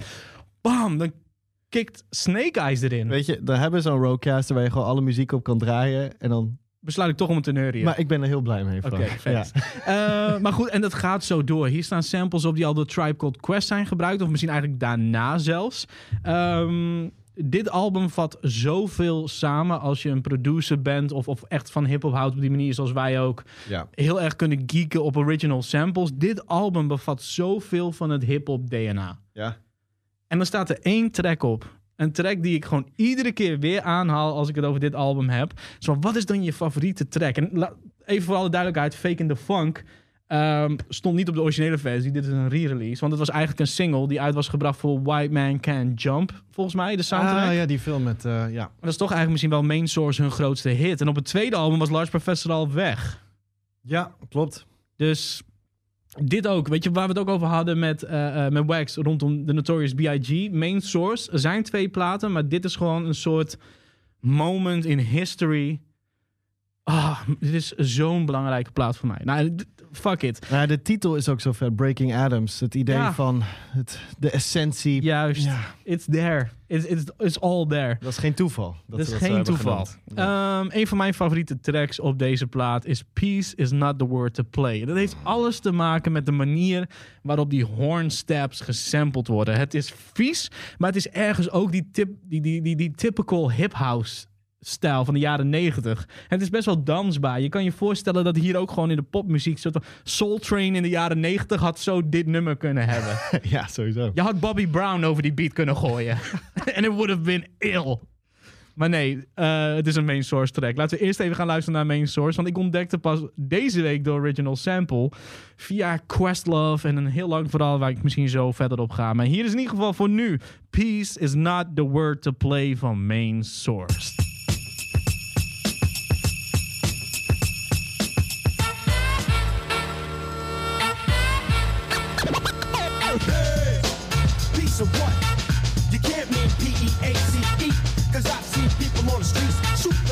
The and turn around and say peace. But that's leaving people in pieces. It's not what the meaning of peace is. To me it means absence of all confusion. Not the oozing and bruising that we're oh so accustomed to. Your friend got beat out, bust him too. What a brother from a certain way of life explained to me once. Dunce, he didn't realize the fact that he and myself were brothers on the same boat. Now last month he got hemmed up. Hmm, that's all she wrote. Get up where she left the exclamation. Holy shit. Als je dit op YouTube bekijkt, zie je dat hier een hele workout plaatsvindt. ik kan niet stilzitten als dit nummer opstaat. Dit is godlike. It's so fucking Draai je een main source plaat of are you happy to see me? In dit geval draai ik main source. Ehm, ja, jezus, ik kan hier zoveel over, over, over zeggen. Het, het, het- wat Wax net ook nog al zei over de oude ehm, eh, drumcomputers. Je hoort in de horns dat het een sample is die snel is opgenomen. Daarna is eh, slowed down is, omdat je maar zoveel Ja. tijd had om een sample te pakken. ja, dit is die SP1200 era. volgens mij was dit volgens ja. SP1200 Dat is inderdaad. volgens mij ehm, de early 90s wel de tool of choice voor Large Pro. Mhm. Maar het, het, het is gewoon, laten we zeggen, het geluid is vies van de horns. Je hoort gewoon dat het uit elkaar getrokken wordt en weer in elkaar. Breaking Adams, Jesus Christ, je zei het net al. De album title makes so much sense. Maar goed, ehm, ik gaf het net al aan. Ik luisterde de afgelopen tijd weer naar eh Questlove's podcast, eh eh, Questlove Supreme. En er was een, nou Questlove is een ontzettende Prince-fan. Dus alles ging over Prince, Prince, Prince, bands related aan Prince. En ook deze groep kwam voorbij, MFSB. En ik ging gewoon eventjes wat onderzoek doen. Even een paar tracks luisteren. Oh, grappig, dit is MFSB. Oh, dat heb ik nooit geweten. Heeft schijnbaar, ik hoop dat ik nu niet iets verkeerds zeg en het verkeerd heb geluisterd, ook nog wel ergens een link met Prince. Ehm, en dan hoor je in één keer het nummer TLC. Tender Loving Care. En dan begint het zo.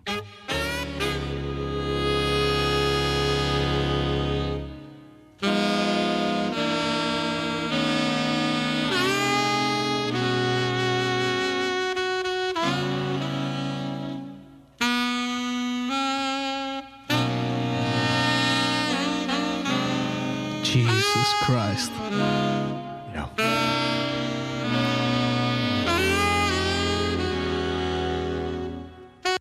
En dan dit, hè.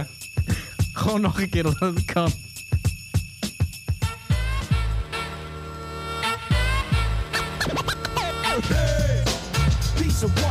Ja. Streets. Wat is het? Twee, twee noten? komt-ie. Say peace, but Oh. En dat is waarom ik van samplen hou. Ja. It's such a beautiful fucking art. Ja. Dus, ja, you're, you're preaching to the choir. Ehm, ja. Ah, goddamn. Weet je, het, het is erg. We zoeken natuurlijk voor deze afleveringen. We hebben al een keer eh, eh, eerder eentje gedaan waarin we onze favoriete sample flips eh, behandelden in het vorige seizoen. Ja, en we hebben met te relax nog een beetje de andere kant van samplen besproken. Mhm. hoe, hoe werkt het? Hoe doe je dat als producer? Ja. En op een of andere manier, ik weet zeker, we zouden deze podcast gewoon een complete sample podcast kunnen maken. En we zullen net zo enthousiast zijn over andere samples die we draaien. Maar we proberen altijd wel eventjes wat dingen op te zoeken waarvan je denkt, oké, deze is voor de hand liggend. In één hard to tell, human nature. Misschien is het alleen voor een aantal mensen voor de hand liggend, want de sample is wel een beetje verstopt. Maar het is wel eens van, of course, dat is een bekende original sample. Ja, als je die track uit elkaar trekt, ja, dan ehm, hoort iedereen wel dat dat human nature is. Precies. Ehm, straks hebben we nog eentje die vrij populair is en bekend is. Maar dat brengt ook diezelfde rush bij ons eh, eh, naar boven. En dat is ook de reden dat we die hebben gekozen. Ehm, maar ik denk dat we eerst eventjes eentje moeten doen die wat meer in de underground hangt. Niet zo populair is eh, eh, eh, eh, als de vorige twee. Of eh, eentje die later nog komt. En daarvoor gaan we naar de, nou ja, Minneapolis Atmosphere. Ja, Ehm, ik kan me nog goed herinneren dat vlak voordat ik naar Amerika ging toen ik 18 was, eh, eh, ik deze track op TMF zag. Eminem was al een ding. Maar je zag nog niet heel vaak op TMF eh, eh, white MC's. En deze dude stond ook in een white tee. Gewoon in een wit t-shirt. Agressief in de camera te rappen. En ik dacht, technically is hij niet white, hij volgens is... mij. Nee, Volgens mij is hij quarter African American, quarter Native American, ja, half white. ja. Uit mijn hoofd. Maar als je hem ziet, Even quick math. in die tijd, ik was Ja. 18, dat is best lang geleden. Maar er zat een agressie achter die man. Het was nou, niet agressie, passie. Als je die clip ook ziet, hij staat in een ruimte recht in de camera te rappen. Ik had een klein tv'tje op mijn kamer. En ik zat te kijken, ik dacht, what the fuck is dit? En ik heb volgens mij die track en een paar andere tracks van dat album... heb ik direct op een cd'tje gebrand, meegenomen naar Amerika toe. En heb daar ook heel veel geluisterd. Dus dit nummer is al bijzonder voor mij. Maar jij hebt eigenlijk een connectie met de original sample van dit nummer. Ja, willen we die al noemen dan nu? Waar gaan we mee beginnen? Want we hebben de titel nog niet genoemd. We kunnen ook gewoon eerst eventjes de track draaien waar ik het over had. En dan daarna... Laten we dat eerst doen. Oké. Ja. Hier is Atmosphere met, eh, ja, Trying to Find a Balance.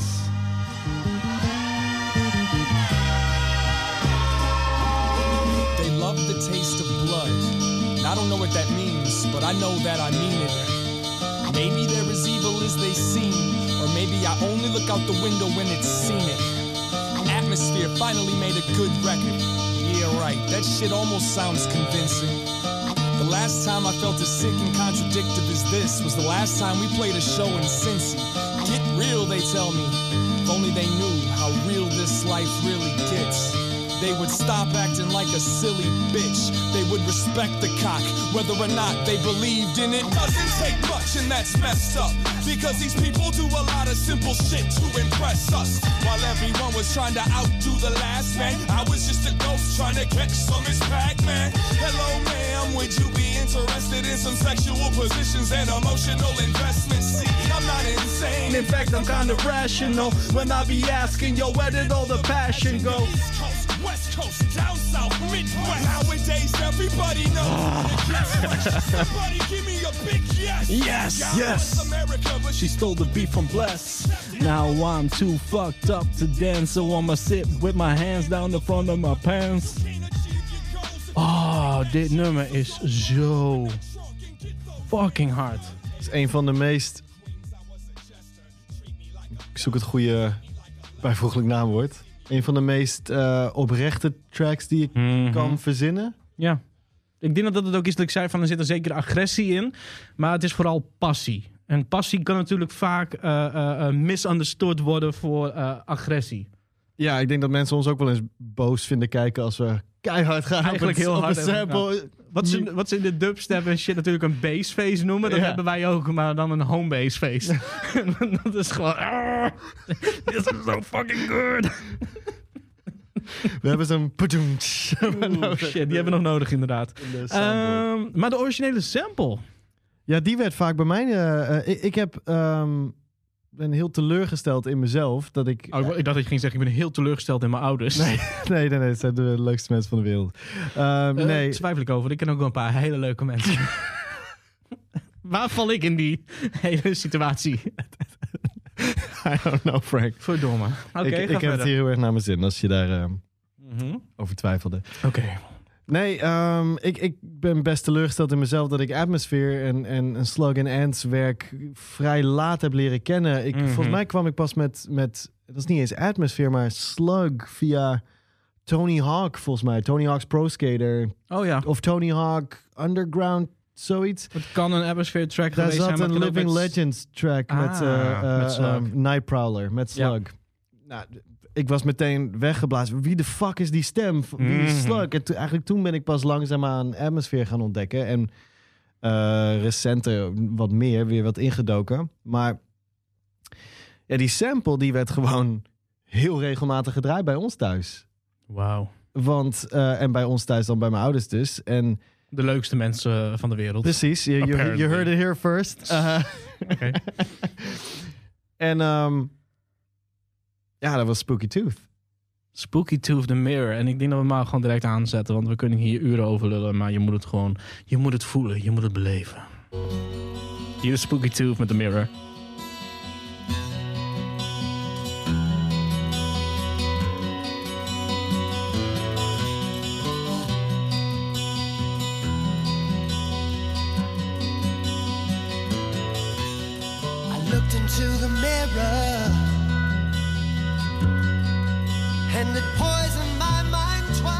En je hoort natuurlijk al aan het begin...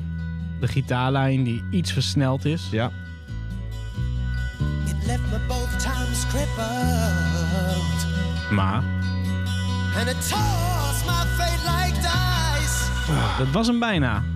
Maar het was hem niet. Want je, je wil natuurlijk weten waar die, die, die vrouw vandaan komt. Ja. Wat dus eigenlijk geen vrouw is. Maar een sped-up Ja. zanger. Pitched up, sped up.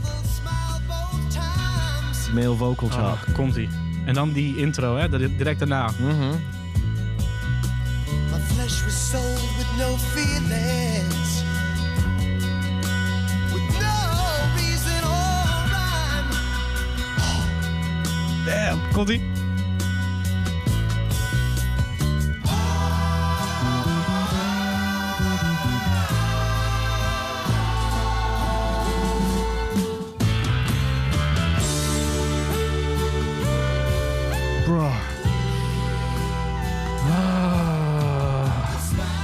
Ik heb gisteravond ook gewoon weer het hele album lopen draaien. En deze track nog tien keer op repeat gehad. It's so beautiful. En dit bewijst ook maar weer. En, en, en toen ik jong was, dacht ik dat alle hip-hop tracks alleen maar soul en jazz sampleden. Dus toen ik net begon met beats maken, was het oké, wat is het grootste soul label? Eh, eh, Motown. Dus ik samplede alleen maar Motown. En toen ging ik op een gegeven moment Stax samplen. En met jazz was het alleen maar Blue Note natuurlijk. Want er is Ja. niks beter dan Blue Note. Like, fuck that.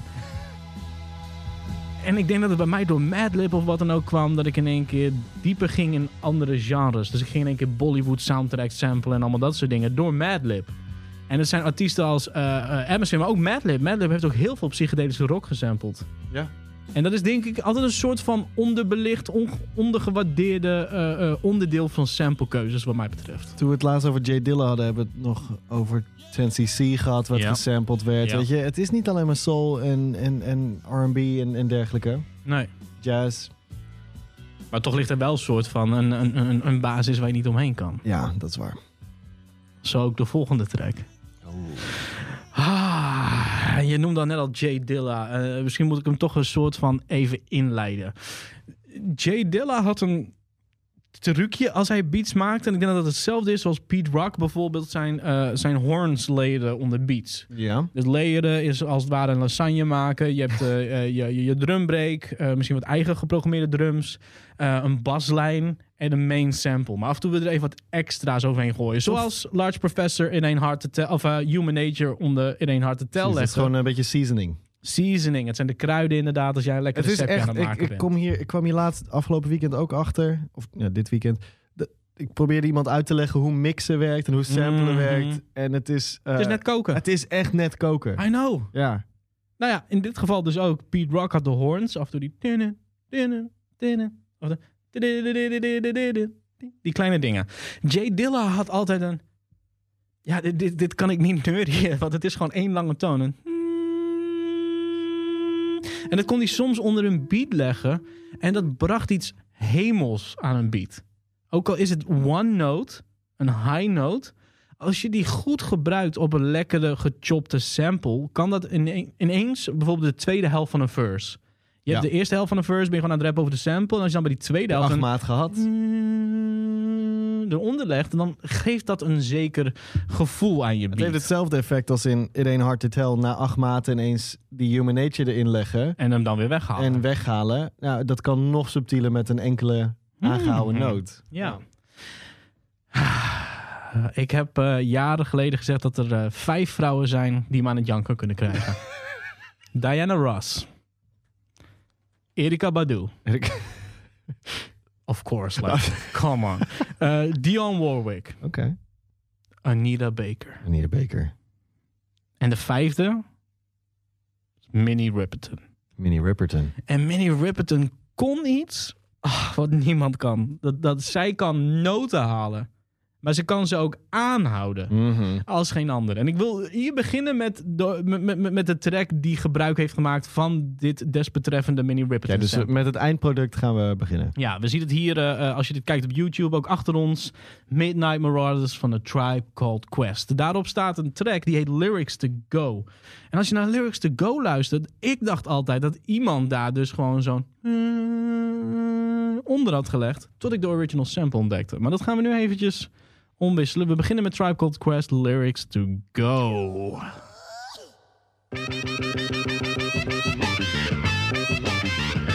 Lyrics to go. Lyrics to go. Lyrics to go. Lyrics to go. Lyrics to go. Lyrics to go. Going the rhythmic variation. Waking in the morning, I still represent the nation. When I speak a nation, please don't make the deviation. Rebels of the party who create the drum sensation. Mind is a pit of different information. Microphone is on, so I cross communication. Vocal at the party, then you got the vocalation. Decapitating full show as if my Dit is toch gewoon ontzettend goed. Eh, ja. Midnight Marauders, Tribe Called Quest. Oh, it's such a good record. Ik, ik weet niet of Tribe Called Quest ooit een slecht album heeft uitgebracht. En ik weet dat de meningen daarover verschillen. Maar wat mij betreft niet. Dat is een reden dat... eh, Ja. ehm, als je dus naar de sample luistert. Laten we even terughalen. Je hoort die Rhodes is het denk ik. Ja. De Rhodes piano. elektrische piano. Maar hoor je die lange uithaal die dat doorloopt? I know it's been two years, but see, the job was never falling. Would have tried for singing, but that stuff was not my calling. The mic is Oké. Er zit ook geen melodie in, het is één Nee. noot. Als je een producer bent, dan, dan, dan ken je vast wel dat je een, een sample probeert te choppen. En er ligt iets op de achtergrond. En als je dan je sample opchopt, dus je hebt een pianolijn. Tun, tun, tun, tun, tun, tun, tun, die heb je. En jij denkt, ik wil een. Tun, tun, tun, tun, tun, tun. Dus je wil ze losknippen Ja. en daar een, nieuwe melodie van maken. Beetje die Premiere-achtige Zoiets, eh, stijl. Als je dat doet en er zit een geluid op de achtergrond waar je niet rekening mee houdt, omdat dat niet is waar je op dat moment de aandacht, eh, je aandacht op, op, zet, dan kan dat annoying worden. Dat er een achtergrondgeluid is wat in de weg zit. Ja. Dit zeg ik alleen maar omdat deze dame, Minnie Riperton, zo'n strak, zo strak een toon kon aanhouden, Dat je, het dat niet- het niet eens uitmaakt als je de sample chopt. Dat je gewoon die track luistert en denkt, heb ik nou tinnitus? Of is dit part of the sample? Nou, dat. Laten we hem gewoon even aanzetten. We moeten wel even wat hier doorheen spoelen, want de sample begint pas op 3 minuten 7. Maar ik, ik, je draait niet Minnie Riperton om gewoon aan het einde van de track te beginnen. Dus Nee, hier is Inside My Love van Minnie Riperton.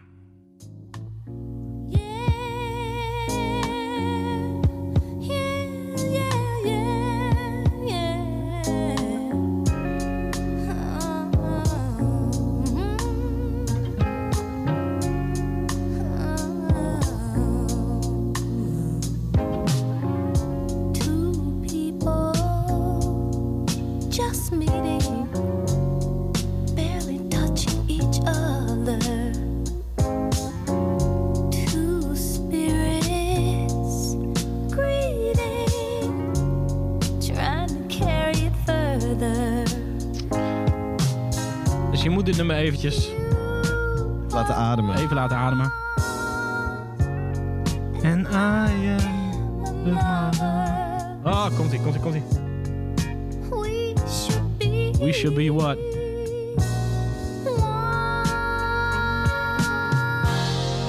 inside each other. You can see inside me. Will you come inside me?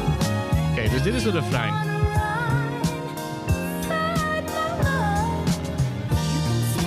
Dan na de refrein zit een soort break. En die break moet je even onthouden, die nu komt.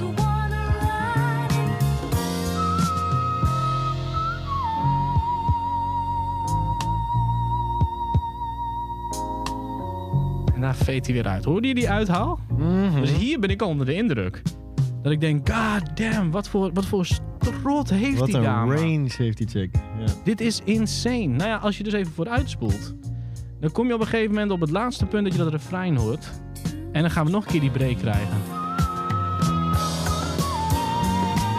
En luister even, hij, loopt, hij is net begonnen hè? Luister hoe lang die aanhoudt.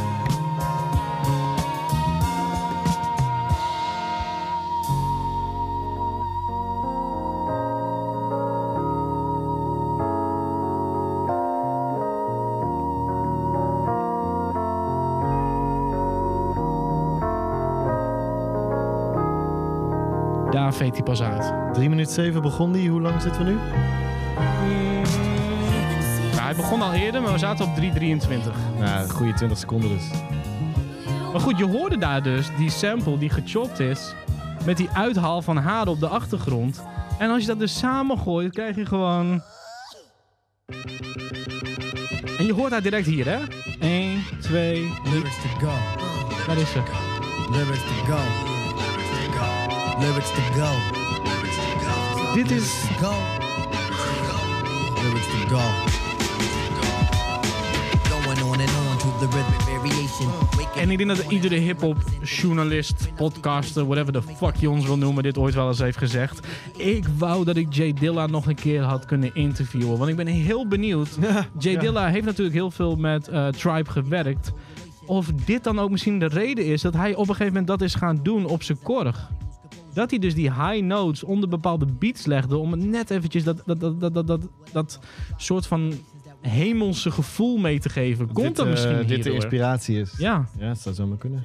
En van die vragen waar we waarschijnlijk nooit de antwoorden op zullen weten. Maar eh, ah, ik zou bijna hier gewoon willen stoppen. Want dit is, eh, dit, dit, dit is hem voor mij. Ja, dat Zullen kunnen we nog, doen. Zullen we nog eentje doen? Om het af te leren? Om het af te leren, we hadden het al over Jay Dilla. Die trouwens best nog wel weer veel voorbij is gekomen in deze aflevering. Dus als, eh, wat je ook maar van Jay Dilla vindt, je kan niet om hem heen. Er is altijd wel weer iets van een onderwerp waar je hem bij kan halen. Ehm, het volgende nummer kende ik in eerste instantie omdat het door Dilla was gesampled op Donuts. Eh, Donuts ligt hier. Ik weet niet of je dat op eh, video kan zien. Volgens mij net niet. Het is een re-release. Don't Hate Me. Eh, re-releases zijn ook platen. Jay Dilla. Re-releases hebben ook gevoel. Precies. Ehm, op de track. Je zegt het alsof je een puppy uit het asiel hebt gehaald of zo. Op de track Dilla Says Go op Donuts ehm, hoor je een sample van The Tramps. Eh, Steven, if you will, naast je.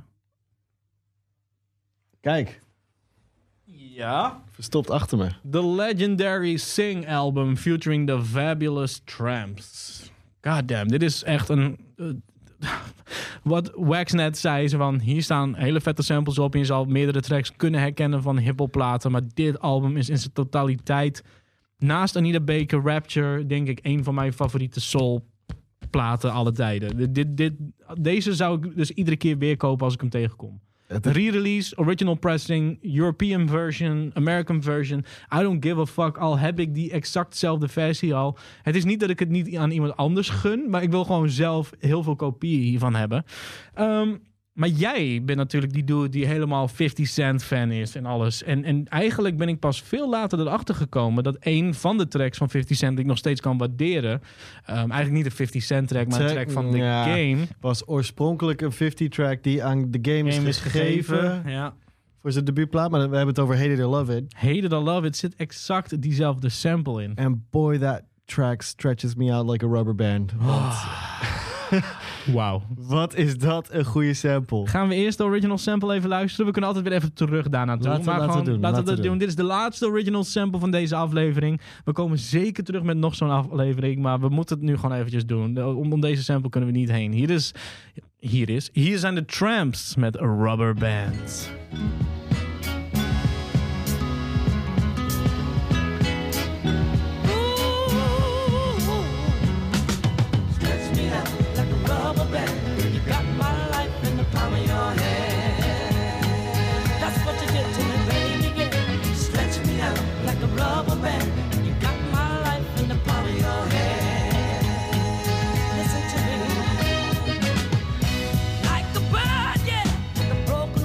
Eigenlijk hoor je direct al aan het begin de sample die Dilla heeft gebruikt voor, voor, voor, voor Dilla Says Go. Of in ieder geval waar hij zijn chops uit heeft gehaald. Ja.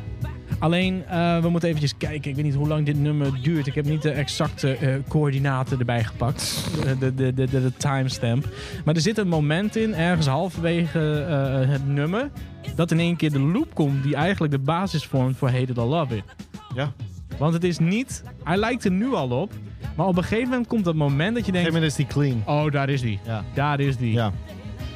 En, en jij kent die eerste lijn beter, maar de eerste lijn die in mijn kop opkomt, want ik kan er nu niet op komen. Coming up, I was confused. My mama kissing the girl. Confusion, the curse coming up in the cold world. Ja, Daddy ain't around. oh. Out committing felonies. My favorite rapper used to say, check, check, out my melody. Die nog staan hier of niet? Hebben we hier niet staan, die staat hier ergens in de kast. Ehm, ja, en we gaan hem uitrekken. We gaan gewoon heel veel over dit nummer heen lullen om eventjes dat moment te pakken. Dan kunnen we daarna Dilla Says Go draaien en or Love It. Hell ja. last forever. It's gonna take some time to get myself together. Yeah, it's alright. Dilla. Ah, get over it, baby. En dan die... Die hoor ik altijd door Donuts. En volgens mij komt nu... Or Love It. En je hoort dus die andere Ja? sample erin. Ja. Komt ie?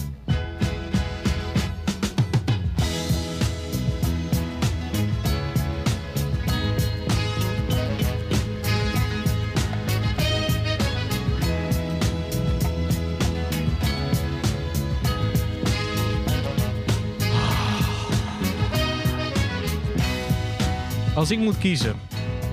Interviews met de gekke mensen. Of alleen maar original samples draaien. Sorry mensen, maar dan ga ik hier in mijn eigen bubbel original samples draaien. Why not both? Zoals we vandaag doen. Eigenlijk de beste combo. Eh, welke gaan we eerst draaien? Even Dilla Says Go? Laten we Dilla beginnen. Ah, Oké. Oh, yeah, yeah, yeah. Let the trunk rap. Start it off, man.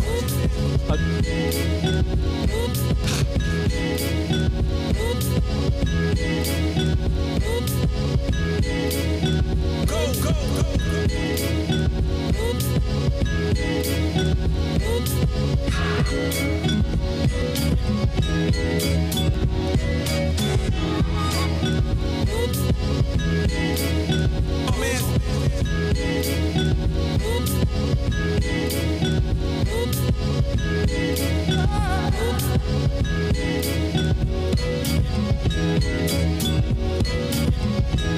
Ah.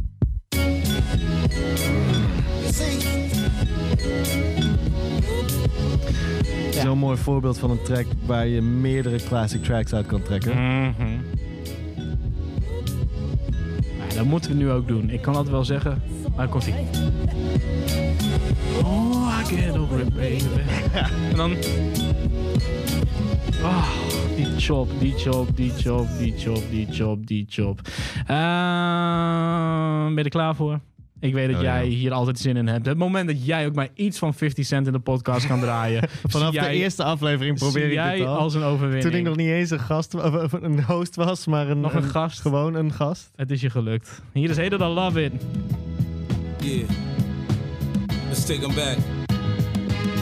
Uh huh. Coming up, I was confused. My mommy kissing a girl. Confusion occurs coming up in the cold world. Daddy ain't around, probably out committing felonies. My favorite rapper used to sing, check, check out my melody. I wanna live good, so shit, I sell dope for a four finger ring. One of them gold ropes. Nana told me if I pass, I get a sheepskin coat. If I can move a few packs, I get the hat. Now that'd be dope. Tossed and turned in my sleep that night. Woke up the next morning, niggas stole my bike. Different day, same shit, ain't nothing good in the hood. I run away from this bitch and never come back if I could. Hated to love it, the underdogs on top. And I'm gon' shine on me until my heart stop. Go ahead and envy me. I'm Raps MVP. And I ain't going nowhere, so you can get to know me. Hated to love it, the underdogs Undeniable classic. Dude, ik, ik, ik vind het gewoon jammer dat we nu alweer moeten stoppen. Ja, maar we kunnen dit heel vaak doen, Frank. Met meerdere gasten trouwens. Wil je, heb je nou zelf een idee van... hey, misschien moeten jullie dit eens een keer doen met die en die persoon? Let us know. Stuur een mailtje naar frank.stevens.kink.nl. Want Steven heeft nog steeds geen eigen e-mailadres. Ja. Maar daar hebben we binnenkort een oplossing Komt- voor. komt er, komt, eh, er komt iets anders aan. Ehm, we gaan zeker nog zo'n aflevering doen. Want dit zijn eigenlijk de afleveringen waar we zelf enorm van genieten. Maar de volgende aflevering hebben we weer een te gekke gast. Daarover later meer. Ehm, zijn er nog dingen die je kwijt wil in deze aflevering? Poeh. Biggie was toch wel echt heel erg dope, hoor. Ja. Ja, En het is mooi dat zo'n documentaire er ook weer een soort van een nieuwe energie tegenaan gooit. ja. Dat je weer echt zin hebt om Ready to Die van begin tot eind te draaien. Ja, alle samples weer uitzoeken. En ik beloof je, weet je wel, laten we dit gewoon afspreken. Ik ga binnenkort live After Death eens een keer luisteren. Dat heb je het echt niet vaak gedaan, hè? Nee. nee. Hij is een beetje, hij is wat, wat, wat glad en wat ehm, compressed of zo. Maar er zit wel shit op. Nou, weet je wat? Dat gaan we gewoon binnenkort doen. En dan laat ik weten wat mijn ervaring was terwijl ik luisterde naar Live After Death. Oké. Ehm, ja, we willen Wax bedanken dat hij weer te gast was. Eh, always welcome, Wax. Let us know. Ehm, en jou natuurlijk, de luisteraar of de kijker. Want dit is de eerste complete aflevering eh, eh, die terug te vinden is op YouTube. Niet alleen het interview, nee, de complete episode hier live vanuit Simplon in Groningen. Ons, Oh, yeah. ons nieuwe kantoor, ons kantoor, onze podcaststudio, onze werkplek. Eh, de plek vanaf waar nog hele mooie dingen gaan gebeuren. Zeker zodra we weer open mogen als Simplon en het event homebase terugkeert. Want ik, ik begin het nu toch wel heel erg te missen. I die for the fun. Mijn naam is Frank Stevens. Mijn naam is Steven Gilbers. En dit was Homebase. Tot de volgende keer. Dit is een podcast van Kink. Voor meer podcasts, playlists en radio, check kink.nl.